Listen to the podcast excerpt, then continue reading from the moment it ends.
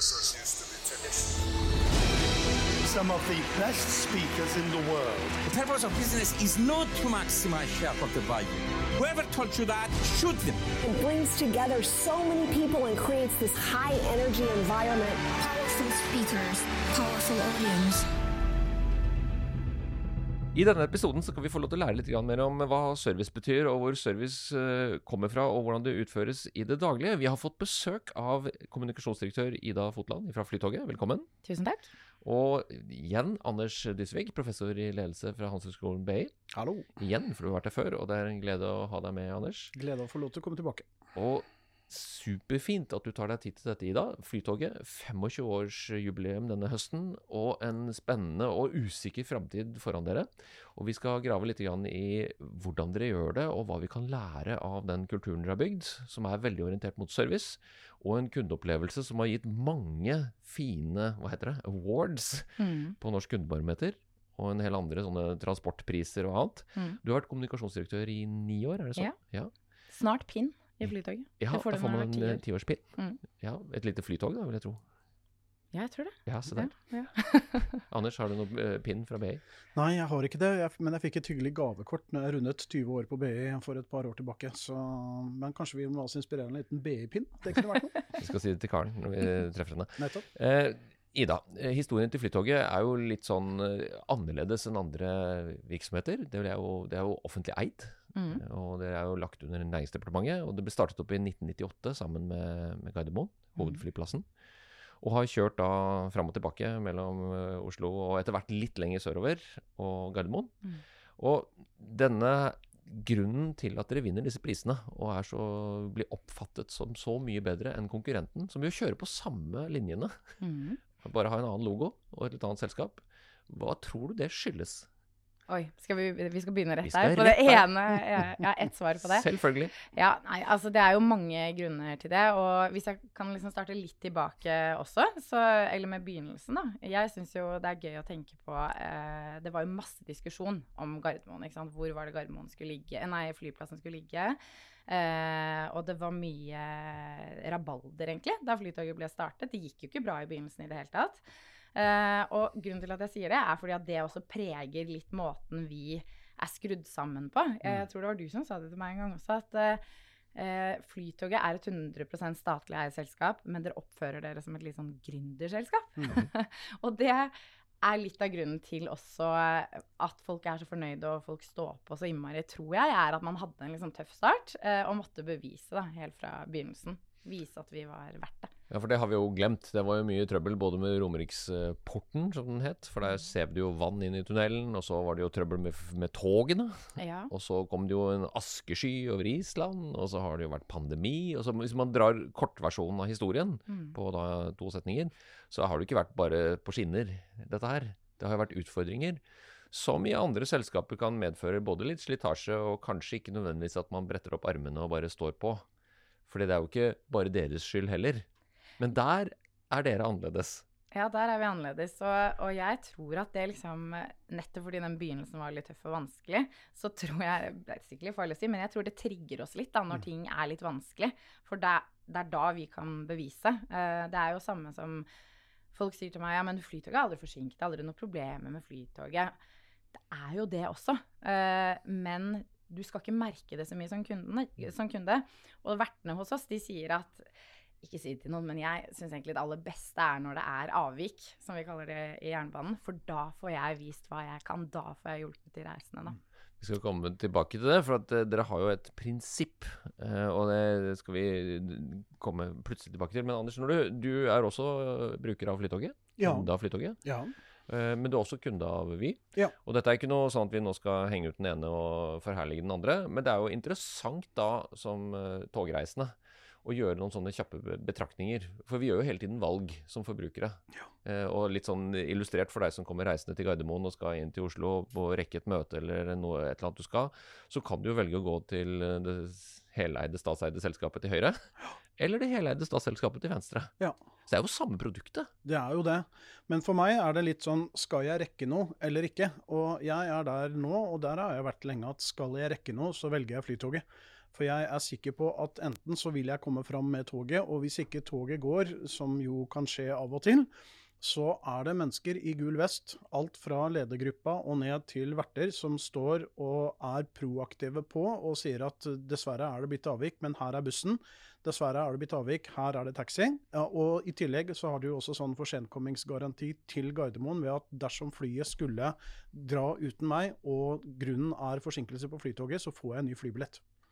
Og grunn, selv om det ikke er vår skyld. Ja, selv om det ikke er deres skyld. Ikke sant? Jeg sitter på flytoget, og det er ikke deres skyld, men allikevel dere sørger for at jeg kommer fra til A til B. Og den garantien den er jeg villig til å betale litt mer for når på en måte jeg vet at nå må jeg rekke noe. Ja, så det, er ikke, så det er ikke bare pengene i billetten fra ATP, men det er også en helhetsopplevelse og en, nærmest det du sier nå, en garanti for deg som reisende. Men den kan jo ikke ha kommet over natta. Dette må jo noe Flytoget har utviklet etter hvert, stemmer ikke det, Ida?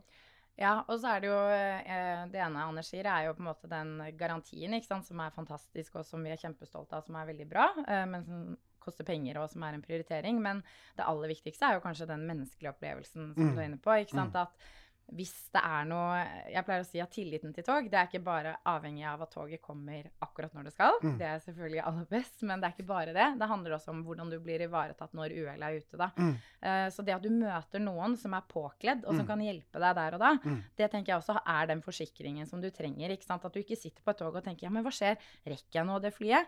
Det at noen kommer bort til deg og sier at du, vet du hva, vi er litt forsinket, men det ser ut til at det løser seg. Gjør det ikke det, så sender jeg deg i taxi. Når går flyet ditt? Mm. La meg hjelpe deg. Mm. Men dette er jo et, eh, kall det kundeløfte, eh, og så har dere plassert dette helt ned på vertnivå, ikke sant? Mm. Så alle er utstyrt med en eller annen form for uh, license to solve the problem. Ja. Hvorfor ble det engelsk, vet jeg ikke. Nei da, men det fint, det. Ja. Men hva er det for noe, Ida? Ja, Det handler jo om det aller viktigste verktøyet der, da. Det er jo disse taxirekvisisjonene. Ikke sant. At uh, våre verter har muligheten til å hjelpe Anders der og da. Ikke sant. Du må, de må ikke ringe opp til en direktør og, og si at uh, ja, men nå er det litt problemer, og syns at jeg skal sende i taxi. Altså, Mm. de, de har mandatet og tilliten og verktøyene Ja. til å løse problemet der og da. Og det tror jeg er kanskje det som er en av hovedgrunnene til, til liksom den suksessen og hemmeligheten, Mm. er at uh, det er ikke noe sånn stort byråkrati. Lett på fot. De Mm. løser det der og da. Sender deg videre. Du må ikke legge ut engang, ikke sant. Mm. Uh, og det er ett et type verktøy, de, de uh, taxirekvisisjonene. Men så har vi i tillegg hatt sånne småting, ikke sant. Sånn bollekort, kaffekort, den type ting, hvor vi ser at, at det trengs i denne situasjonen. Du må ikke bruke det hele tiden. Da går det inflasjon i det. Men sånne småting, da. En vannflaske når det er litt varmt. Verktøy som gjør dem i stand til å levere på visjonen. Mm. Det er, og kundeløftet. Det, er, eh, det tror jeg er mye av hemmeligheten. Det høres jo så enkelt ut, men så har dere jo satt i system. Og så Mm. har du fått, eh, du sier jeg, eller dere har jo fått alle til å gjøre det. For det er også en utfordring. Nå har jeg jo lest meg opp og skjønt at dere er rundt 350 ansatte. Stemmer. Og mange som er togverter, det har du sikkert sånn cirka i Ja, hodet. vi er rundt 60 i administrasjonen, og resten er operativt. da. Ja, så er det fordelt mellom salgs- og kundeveiledere, verter og førere. Så nesten 300 pers der ute som møter kunden. Ja. I, og de har på seg uniform. Mm. Og så skal de levere denne her tjenesten, altså 19 minutter gjennom Romeriksporten fram og tilbake til Gardermoen. Og så får de altså så høy rating av kundene. Mm. Og jeg prøver da igjen, selv om det var et vanskelig spørsmål å starte med. Hvorfor det, da? Ja. Ja, da er vi jo tilbake eh, til eh, begynnelsen. Eh, og så er det verktøyene, og så er det X-faktoren, da. Som Aha. kanskje er den vanskeligste. Og det er jo det at man har eh, eh, lyst til å levere på visjonen og kundeløftet. Eh, og det er kanskje fordi at man har hatt en start når man har de verktøyene og man får den tilliten, men det er X-faktoren, og det er det vanskeligste å kopiere og forstå, da. Mm.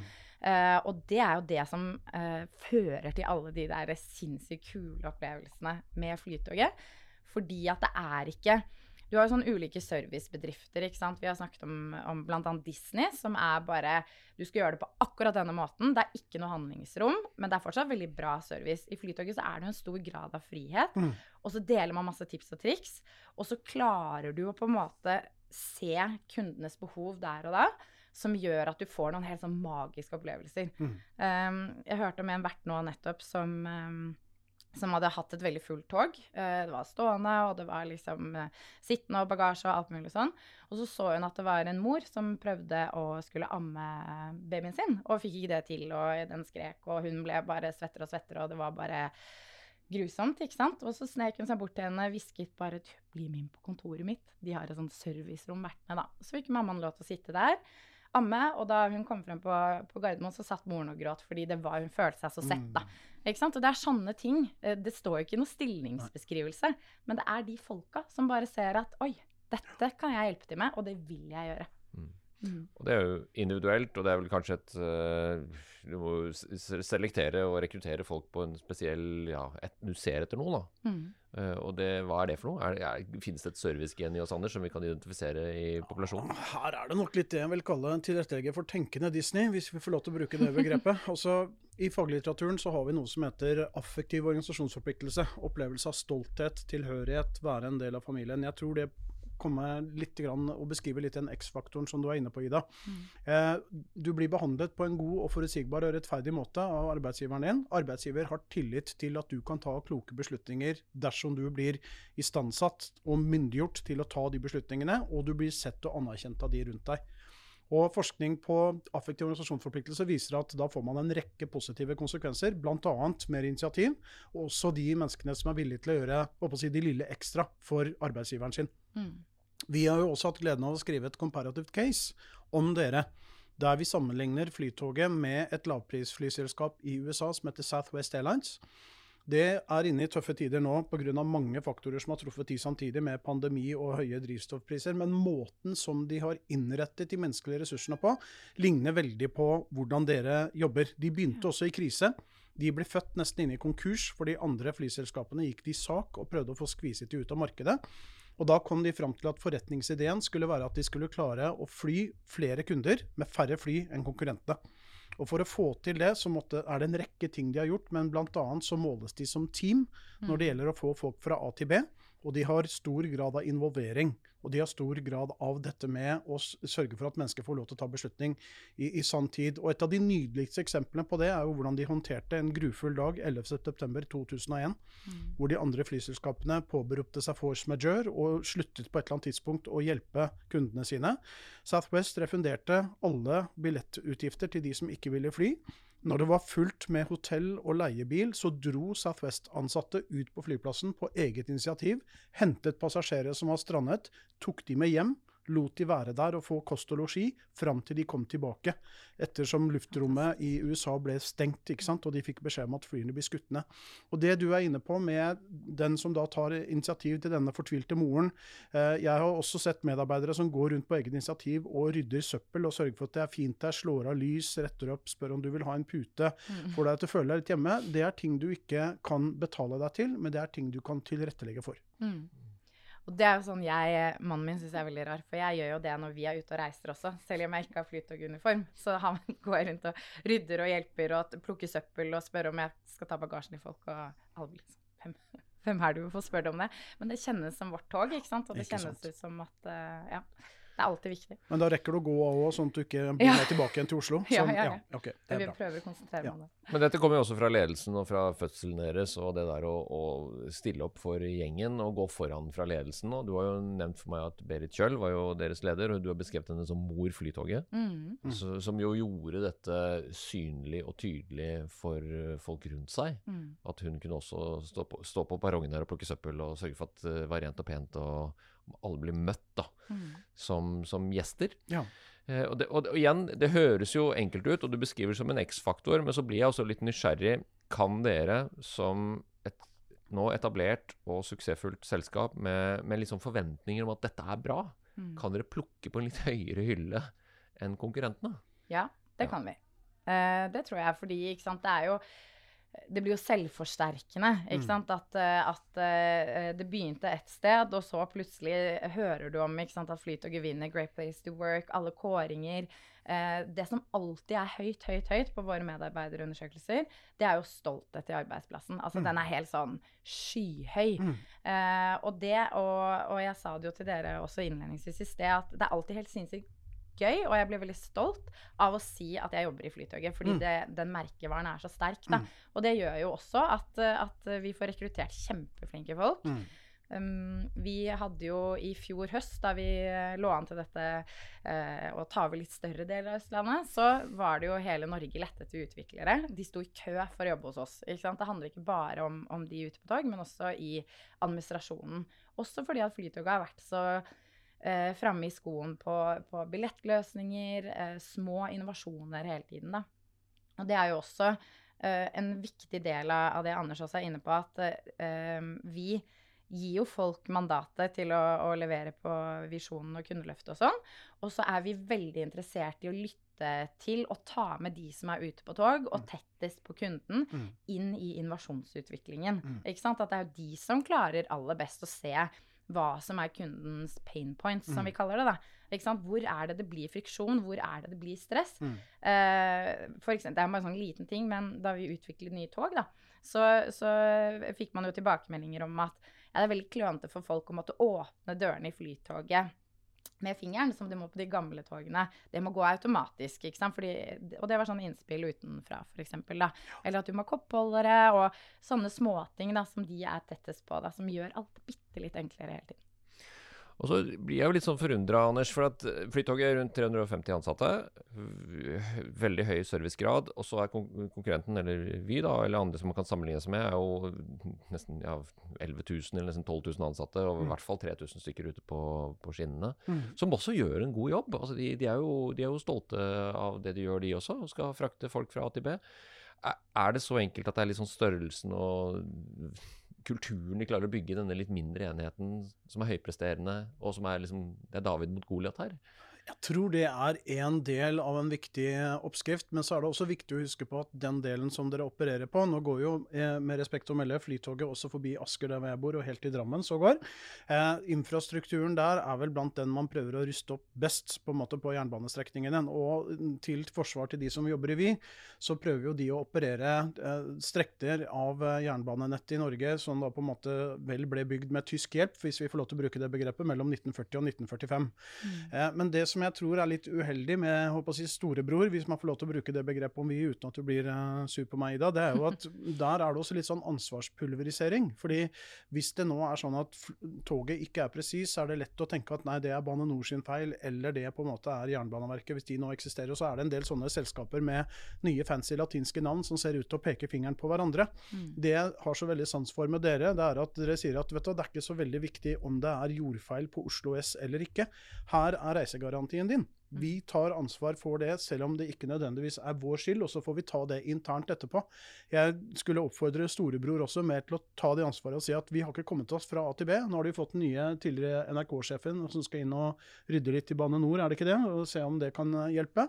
Men det å ta ansvar for kundereisen, og så får man heller rydde opp i etterkant, tror jeg kan lønne seg hvis man ønsker å få den lojaliteten som dere har klart. Ja, for du er jo kommunikasjonsdirektør. Du må jo ha vært fristet noen ganger til å drive med litt sånn derre Ja, vi kjørte toget vårt, men vi fikk signalfeil, eller det var et eller annet som gjorde at Romeriksporten var stengt. Ja. Er ikke det fristende noen ganger? Nei, egentlig ikke. Fordi det er som, eh, som Anders sier, det er totalt irrelevant for, eh, for de reisende hvem sin skyld det er. Og, og det er vårt ansvar. Du har kjøpt billett med oss. Eh, vi, eh, kan ikke, vi får ikke gjort så mye med infrastrukturen og skinnene. Og vi, eh, det var en i Bane NOR som sa på 25-årsjubileet vårt da han gratulerte at ja, for kundene er dere fantastiske, men for oss i Bane NOR så er dere en pain in the ass. Fordi er vi ikke gode nok for deres kunder, så saksøker dere oss. Og det gjør vi. sant? Men det tar vi på kammerset. Det skal du som reisende slippe å forholde deg til. Da. Um, så det er det har, Jeg har fakt, Jeg tror ikke jeg har, eh, har gått på den blemmen ennå. Så nå, på andre. ja, så du tenker på det som en blemme? Har du sånn note to self på, over skjermen din? Ja, vi til, har, til kommunikasjonsdirektør Ida, at nå må du huske på at vi er ansvarlig for vårt. Jeg har jo gått uh, på skole, holdt jeg på å si, i skole, i lære hos Hans Gelmøyden, som jobber mye med sånn rollehjul og, og sånn. Og eh, jeg har den rollen jeg opplever at vi har veldig uh, sterkt uh, i bevisstheten hele tiden, da. Mm. Og tenker at det er Det snakker bare ned jernbanen og kundeopplevelsen om vi snakker ned hverandre. Mm. Så, så fokus er hele tiden på løsning og hva de reisende skal gjøre, da. Ja. Og vet dere hvem som er minst fornøyd med tog? Absolutt ikke. Nei. Det er de som ikke bruker tog. Akkurat. Ja. Ikke sant? Fordi men- man ja. venner seg til eh, Du sier at du ofte beregner litt ekstra tid, eh, Anders, når Ja. du skal ut og, og reise med konkurrenten. Uh, du venner deg til det. ikke Ja. sant? Du finner ut at ok, sånn er, sånn er det å være togpendler. Mens uh, når vi hele tiden på en måte snakker ned jernbanen i media da, Ja. og hverandre, så, så er det ingen som tjener på det. Ja, Jeg har som Anders eh, pendlet, og litt lenger enn deg, Anders, i mange mange år, så jeg ble veldig veldig god på lyder og, og egentlig bevegelsesmønstre til, eh, til de ansatte. Og da Jeg kunne nesten se på skrittgangen til konduktøren og tiden det tok fra vi ikke fikk informasjon, så skjønte jeg at ok, det var lurt at jeg tok det toget én time før. Så, og, og det er klart, når du blir sånn, at du har det innebygd i, i planleggingen din av en arbeidsdag, og, og det er jo en del som har, dessverre, så, så blir man jo litt sånn, den der pulveriseringen av ansvar blir jo til slutt blir til litt sånn der, Man blir litt oppgitt. Mm. Og, og så har man jo, vet man jo, og dette er jo helt samfunnsmessig, altså man får jo en, en økning i biltrafikken Mm. som en konsekvens av det. Litt forsterket av pandemien, selvfølgelig. Og så er det vanskelig å få folk tilbake igjen på kollektivtransport. Mm. Som igjen gjør at de som får eh, vann på mølla da, er jo de som mener at vi bruker veldig mye av samferdselsbudsjettet vårt på en veldig liten antall reisende per ikke sant, kilometer, Ja. og det vi betaler for. Og Fra et bærekraftsperspektiv så er det jo klart at en av de tingene som nå kan komme Nå diskuterer jo Frankrike allerede å pålegge mennesker å jobbe hjemmefra, de som kan, minimum to, gjerne tre dager i uken, for å redusere utslipp fra pendling. Eh, så er det siste vi skal nå, er det jo å få mennesker vekk fra velfungerende kollektive tilbud med lavutslipp, og eventuelt presse de tilbake igjen på biltrafikk, der det fortsatt er mange fossile biler ute på veien, selv om det nå utfases med såkalte elbiler. da. En annen ting, hvis jeg får lov til å si det, Tor, for det nevntes nevnte i stad når du var inne på dette med at uh, brukerorientering og hvordan ting skjer ute. Jeg tror en av de tingene også som andre organisasjoner som hører på dette her, eller mennesker fra organisasjoner, er betydningen av at ledergruppa også er ute aktivt i servicereisen som dere gjør, med av og til å være ute på tog, uh, møte kunder. Uh, Kai Henriksen, som forlot oss altfor tidlig og ledet omstrukturering av Vinmonopolet, han påla jo at de som jobbet i, eh, på hovedkontoret, der hvor det da ikke var polutsalg, de skulle være ute som vanlige butikkmedarbeidere. Og jeg mener å huske minimum tre dager i året i strekk. Jeg tror det. På med poltøy, være ute, møte kunder, for at man aktivt da skulle forstå hva det var man påla de der ute av rutiner og struktur og opplæring for å kjenne skoen på kroppen selv. Og jeg tror dessverre det er sånn at en del som sitter i stabfunksjoner og HR, de enten har de ikke helt forstått hva daglig drift går ut på, eller de har glemt det. Sånn at de bør jevnlig minnes på hvem er de til for. Der er dere gode. Ja, og det har vært en prioritering hele veien. Eh, Ståle, som er vår nye administrerende direktør, har fått seg seg flytoguniform også. Er ute eh, med, med kundene, både under avvik, men også eh, til vanlig. Oppe på Gardermoen for å se hvordan de beveger seg, eh, finne ut hvilke spørsmål de har, den type ting. Være tett på driften, da. Mm. Eh, og én ting er å være tett på driften i det daglige, men, men vi har jo også, tok jo et grep, det var vel eh, på slutten av 90 tallet begynnelsen av 2000, hvor man flyttet drift og administrasjon sammen. Mm. Det er mange som har det sepa, eller hver for seg, Mm. men vi sitter jo samme sted, man spiser lunsj, uh, har møter, drikker Altså, det er en no-brainer Mm. uh, for, for vår del, men Mm. mange sitter jo på hver sin side, og da blir du ganske distansert. Altså, da blir det to ulike um, ja, deler av selskapet. Ja, og kanskje flere òg. Altså, dette vet vi jo fra størrelsen. altså Når man vokser og begynner å lage divisjonene og begynner å lage kontrollmekanismene, og så er det noen som er litt likere enn andre. Og så får man disse her hierarkiene, Anders. Ja. hvor, har vi noen sånn knekkpunkt på når det der oppstår, hvis ikke man passer på det, da? Hvis man ikke passer på det, så skjer det skremmende fort. Eh, og det som er veldig uheldig med det, er at man får en sånn siloorganisering med målforskyvning og suboptimalisering, og så er det lett da å begynne å skylde på de andre. Eh, Bill Gore, som grunnla Gore-Tech, han var jo drittlei av å sitte og høre i møter at salg skyldte på produksjon, som skyldte på forskning og utvikling.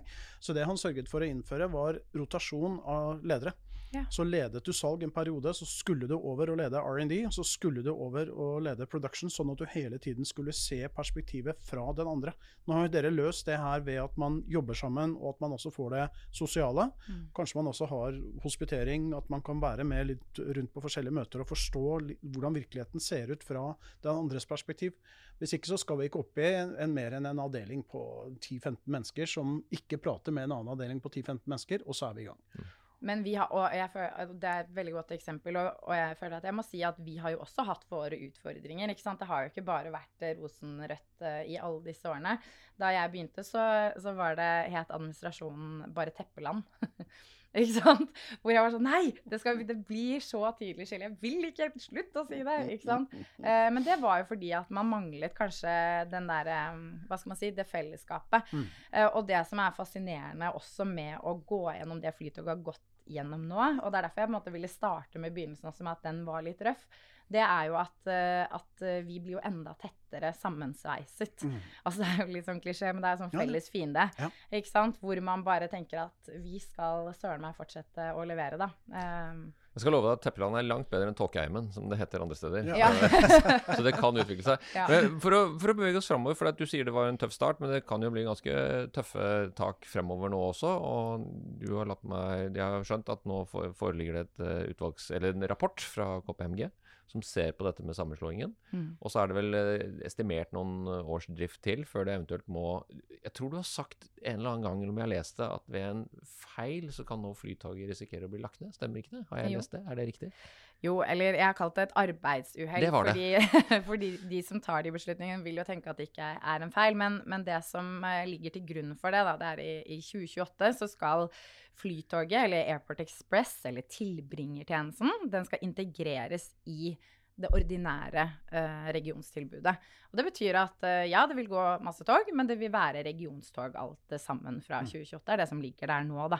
Uh, og det tenker jo vi er kjempedumt, først mm. og fremst fordi at Anders var litt inne på det, eller dere snakket om det i sted også, at um, vi er små. Det gjør at vi er, er agile og lett på fot og alle disse tingene. Men, men vi er også spesial, spesialisert på de flyplassreisene. Mm. Og de har helt andre behov. Mm. Ikke sant? Og det er vi Når vi skal flytte folk fra bil til tog, så er vi helt overbevist om at du må tørre å differensiere produktet litt. Du må tørre å spesialisere deg litt. Mm. Fordi at hva Anders trenger når han skal ut og eh, fly, er noe helt annet enn når du skal inn med tog i ti minutter. Mm. Ikke sant? Så vi prøver jo å få frem det nå, hvor, eh, hvor eh, fatalt vi tror det blir. Vi har jo også oppdaterte analyser som sier, eller peker på så mye som en million flere bilreisende i året. Mm. Fordi at folk tør ikke da ta mm. sjansen på å ta toget. Mm. Ikke sant? Eh, eller de vil ikke, for de syns det ikke er så praktisk. Jeg tok trikken her om dagen, og da var det en dame med en stor koffert ikke sant? som sitter og holder på den i midtgangen. Skaper kjempetrøbbel. Men jeg skjønner henne jo, for hun har jo ikke lyst til å sette fra seg kofferten et sted. På Flytoget ser alle bagasjen sin. Det er masse sånne småting som man ikke tenker over, som gjør at folk eh, frykter vi vil ta bilen i stedet, eller taxi. Mm. Ja, og så vil den, den, de dagene og ukene og månedene og årene fremover bli jo spennende også for dere. Hvordan påvirker det stemningen på jobben? Um, nå hadde det vært litt mer spennende at jeg sa at nei, nå er det er dårlig stemning. Eh, det er ikke i nærheten av å være dårlig stemning, faktisk. Vi hadde en medarbeiderundersøkelse i fjor på den tiden her, vi har det på samme tid hvert år. Da lå vi an til å, eller trodde vi skulle ta over store deler av Østlandet. Hadde samme i år. Eh, lojaliteten er like høy. Mm. Arbeidsgleden er høyere i år. Mm. Det som har gått ned, er trygghet i arbeidsforholdet. Mm. Så tenk det, at lojaliteten og arbeidsgleden er eh, like høy eller høyere i år enn i fjor. Det er helt fantastisk. Eh, og jeg er veldig glad for egentlig at tryggheten i arbeidsforholdet hadde gått ned. fordi hvis ikke så hadde det jo virket som at vi holdt noe tilbake ikke sant? og mm. ikke for, fortalte helt hvordan ting lå an. Men, eh, men, det er fantastisk. Og det er fordi man klarer å samle laget om et sånn Hva er det vi skal gjøre nå? Nå skal vi vise hvorfor vi trengs. Mm. Og det blir en sånn der eh, fantastisk eller et veldig godt oppdrag for folk. Da. Mm. Man syns det er gøy. Man føler at ok, der hvor jeg er, jeg kan faktisk bidra til å påvirke det her litt. Mm. Og det, da bretter du opp ermene og jobber på det. Det er jo helt fantastisk. Eh, jeg blir jo litt sånn nysgjerrig hvis vi, vi, skal prøve å ta essensen av dette her, og begge to må hjelpe meg nå, til de som hører på og lurer på å, jeg skulle hatt lite grann av det Flytoget har fått til. Hvor skal man begynne?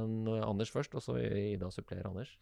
Jeg tror man kan begynne med å både la seg inspirere av denne flotte historien. I litteraturen så har vi også et begrep på dette vi kaller forpliktelsesbasert HR, også på engelsk commitment-based HRM, som er bestående av en del viktige sånne ingredienser i denne viktige oppskriften. Jobbsikkerhet, langsiktighet i relasjonen, selektiv rekruttering, investering i medarbeidere, involvering og delegering, mm. eh, kollektive målingssystemer og fellesskapsfølelse. Eh, alle veldig flotte ord som ser veldig fint ut på papiret, men så er det hverdagsopplevelsen av de praksisene. Sånn at hver dag ledelsen kommer på jobb, så tenker man er dette her i tråd med våre verdier og hva vi ønsker å formidle til både medarbeidere og kunder. Hvis ja, vi gjør det. Hvis nei, vi lar det være. Og den, jeg tror det vi også skal la oss på en måte inspirere her, er jo ikke den derre skylde på andre, men se hva kan vi gjøre noe med? Hva står vi ansvarlige for? Hvordan kan vi få best mulig kundereise for våre medarbeidere? Hva kan vi da gjøre for at samfunnet og omgivelsene skal forstå at det produktet vi leverer, det er så bra at det ikke bør ofres på politikkens alter. Det er vel Bismarck Thor, som på en måte er kjent for uh, sitatet om at den som vet hvordan lover og pølser blir til, uh, har ikke lenger en rolig natts søvn. Politikk og pølser. Ja, ikke sant. Vil heller Eh, ikke spise pølser, og vi, faktisk. og vi har mange eksempler på dette tidligere fra historien, med vern av Trillemarka og flytting av Veterinærtilsynet til Ås. Vi bruker altså nå meningsløse millioner unnskyld at jeg sier det høyt, på oppløsning av en anakronisme av en organisasjon som heter fylkeskommunen. Jeg syns at de som styrer, heller burde fokusere på hva det er som faktisk virker for hverdagsen, når vi da skal komme oss fra A til B og få gode produkter på transportsiden, i stedet for å se med trygghet og forvissning inn i fortiden, som man fortsatt gjør i Østerrike. Åh, jeg blir nesten rørt. jeg. Tenkte jeg skulle la det være en liten pause her. For at det vi har nå fått høre i dag, er jo at eh, vi kan jo forankre det i, i teori, og så kan vi forankre det historisk. Men så skal vi jo Det skal jo gå nye tog. Og jeg opplever jo når jeg snakker med deg, at det er jo det du brenner for. Du er opptatt av den neste avgangen, du er opptatt av den neste Og du sa det jo her i litt Kanskje ikke alle fikk med seg det, men dine ansatte syns det er mest spennende på jobb når det ikke går bra. Ja. Og det er det ikke så veldig mange jeg har snakket med som sier det med samme entusiasmen. For det betyr jo trøbbel. Og og det Jeg må stoppe opp litt der. Hvordan har dere fått til det? Nei, det er, Man har jo stått i noen kriser før og kommet gjennom det. ikke sant? Nå har Eh, vi fått mange nye ansatte som umulig Ja, ja. kan ha, liksom, ha det så på huden, innapå huden som det du har, som begynte i fjor eller i forfjor, og som bare har hørt de historiene. Så man Ja. må jo, må jo ha fått til noe her, noe sånn mm. overlevering blant de ansatte inni der hvor, i cockpiten, der hvor eh, lokføreren sitter, til når man møtes sammen, når man er på i Teppeland. Ja. Eh, hva, hva er dette her for noe? Denne kulturen? Ja, mye av det handler jo om veldig åpen kommunikasjon, da. Ikke sant? Vi, vi forteller veldig åpent om hvor vi står, eh, hva vi vet, hva vi ikke vet, hva vi tror. Eh, det har vært et veldig tydelig grep som vi har gjort de siste årene. Eh, vi legger ikke ut hele referatet fra ledermøtene, men omtrent, ikke sant? En variant av det. Eh, har veldig mye allmøter, eh, digitale eller åpen kontor har vi. Vi er veldig veldig tilgjengelige når det er litt sånn ruskete, for at folk kan stille spørsmål. Eh, så det er jo på en måte Det skaper jo en trygghet, um, tenker jeg. Mm. Og så er det jo også at man Det er veldig mange som sier nå at eh, ja, men her er Jeg får Jeg har jo jobbet i Flytog, jeg får jo en jobb senere. Jeg blir her til the bitter end, jeg, altså. Eh, fordi det er så bra å være her, da. Mm. Eh, og så tror jo vi helt sinnssykt på det vi har er Kritikken til Flytoget da, det går jo ofte på at ja, men det er bare noen få som får bruke det, og det er bare for flyplassreisen, og dere har hatt det så lett, ikke sant? Um, men vi begynte i 1998, og da var det noen veldig smarte folk som tenkte sånn Hvis vi skal få folk til å velge tog, hva må vi gjøre da? Mm. Ikke sant? Og så har vi lært en del ting på veien som vi hadde håpet at vi kunne ta med videre for å utvikle tog. Og det er Mm. masse ting som ikke er direkte overførbart. Ikke sant? Vi har andre rammebetingelser enn det Flytoget har, men mye av det kan vi ta med videre for Mm. å sørge for at flere tar tog. da.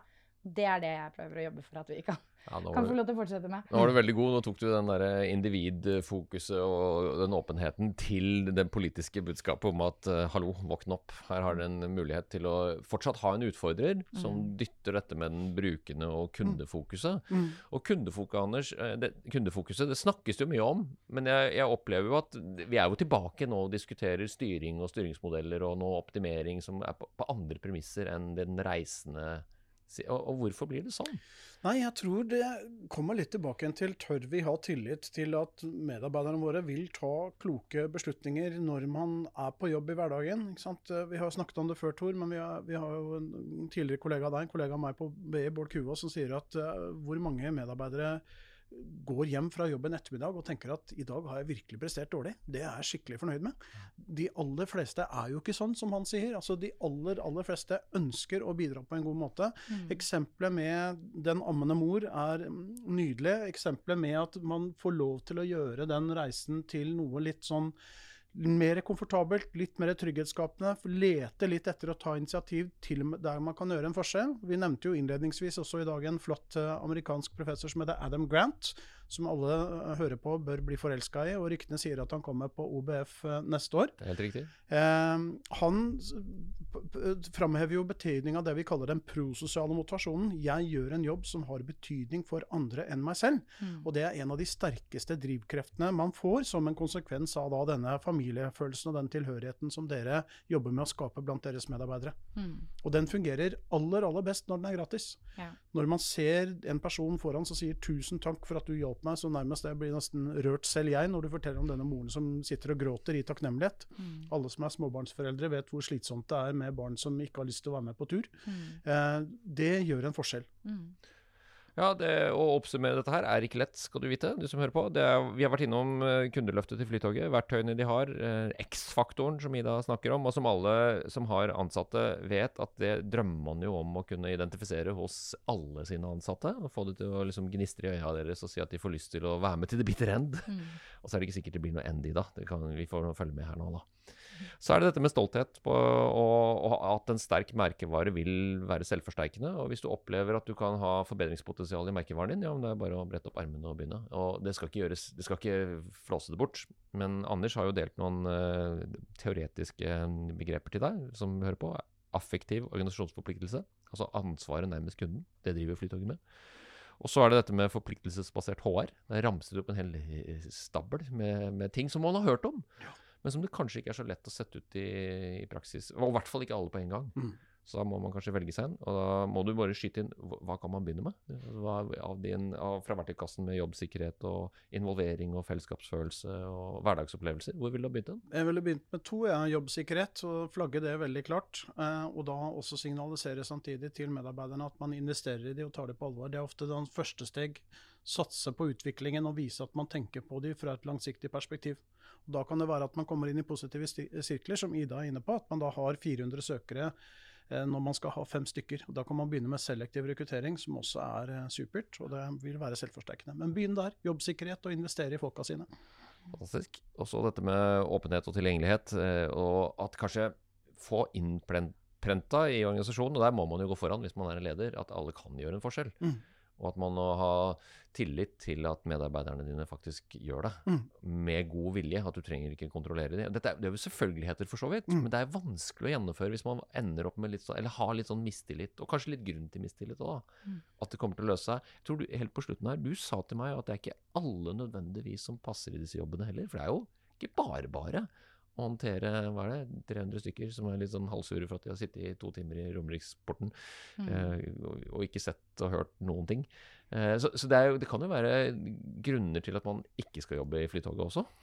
Ja, og, og, og det er veldig sånn interessant, tenker jeg. Man gjør jo feilrekrutteringer, det skjer jo. Men, men øh, jeg opplever at de som ikke passer inn i Flytoget, og som ikke har den derre enorme blø for drakta-følelsen, da, øh, de har ikke så lyst til å være der. Det skjer av seg selv. Det blir litt sånn 'Dette ble for mye for meg'. Mm. Dette er for mye hallelujastemning. Og så glad er det. Jeg skal jobbe fra ni til fire, og det er det. Ikke sant? Mens, eh, mens veldig mange av de som er i Flytoget, de har den på en måte lille ekstra, da. Og det er jeg veldig glad for at du presiserer nå helt på tampen, for den der X-faktoren, den, den må vi liksom finne, og vi kan forsterke den. Og så må vi finne de som, er, som gjenspeiler de. Mm. Og så er det helt greit at ikke alle er der. Mm. Ikke sant? Så det er, da tror jeg vi skal oppsummere det. Og en ny eh, påminnelse om Adam Grant, uh, vår store helt. Uh, og sjekke ut det, og sjekke ut også at det faktisk er sant, som ryktene sier. Dukker opp på Oslo Business Forum i 2024. Tusen takk for en kjempefin samtale om Flytoget og om verktøy. Takk til dere begge to, og ha en fortsatt fortreffelig dag. I like måte. This used to. Some of the best speakers in the world. The purpose of business is not to maximize shareholder value. Whoever told you that, shoot them. It brings together so many people and creates this high energy environment. Powerful speakers, powerful audience.